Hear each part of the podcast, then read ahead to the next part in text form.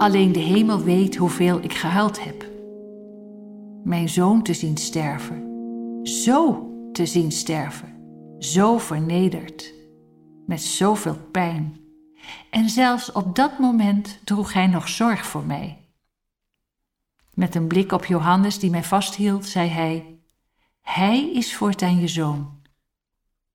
En naar Johannes: Zij is je moeder. En tegelijk deden die woorden mij zoveel pijn.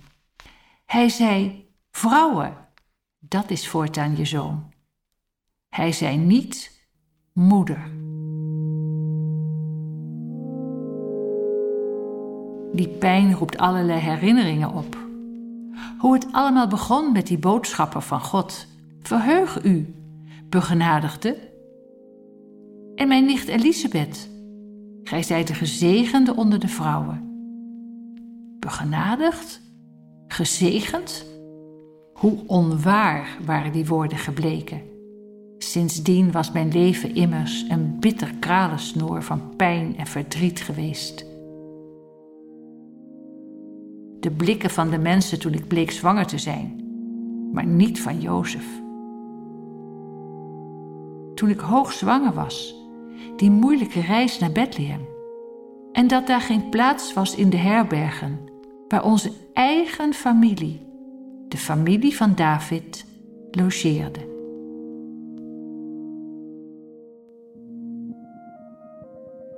Even een uitzondering, toen de kleine Jezus eenmaal geboren was. Het bezoek van de herders met hun enthousiasme. Het bezoek van de wijze mannen uit het oosten met hun geschenken. Maar toen die vreselijke vlucht naar Egypte. Nee, die oude man in de tempel, die Simeon, die had het bij het rechte eind gehad. Een zwaard zal uw ziel doorboren.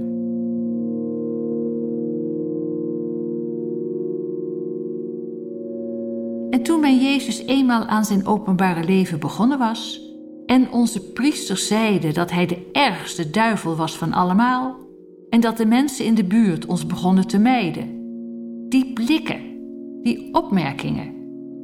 Je zoon heeft het wel hoog in de bol, is het niet?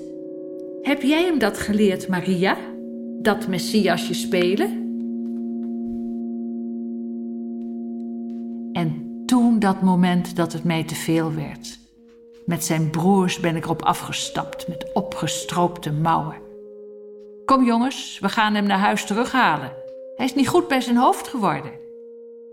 En toen we daar waren met al die mensen om hem heen, die hem waarschuwden. Uw moeder en uw broer staan buiten. Ze vragen naar u. Toen keek hij in onze richting en zei: Mijn broers? En mijn zussen? Mijn moeder? Dat zijn degenen die Gods wil doen. En hij wees naar de mensen om hem heen.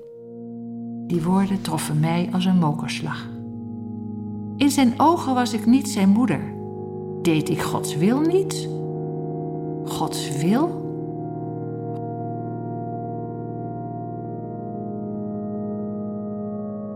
Sindsdien heeft die vraag heel mijn bidden in beslag genomen.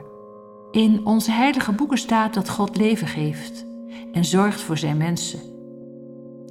Ik had Hem, Jezus, toch het leven gegeven en omringd met mijn zorgen?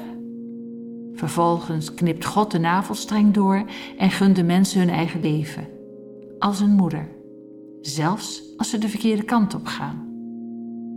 Hij blijft ze koesteren met zijn licht, niet met opgestroopte mouwen. Had Jezus mij daarom steeds vrouwen genoemd? Omdat ik de navelstreng niet had doorgeknipt?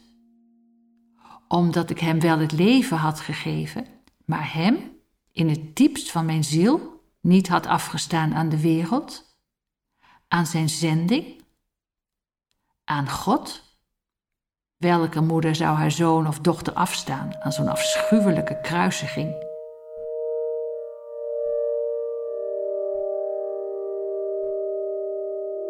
Al die beelden buitelden over elkaar heen. En toen zomaar. Een lichte bries woei door mijn kamer. En daar was hij. Daar recht voor me. Daar was hij. Hij was het. Hij kwam niet naar me toe, maar zijn ogen raakten mij aan, vol liefde en tederheid en warmte. En ik barstte in huilen uit. Ik huilde zoals ik nog nooit had gehuild. En hij sloeg niet zijn arm om mij heen. Hij liet me.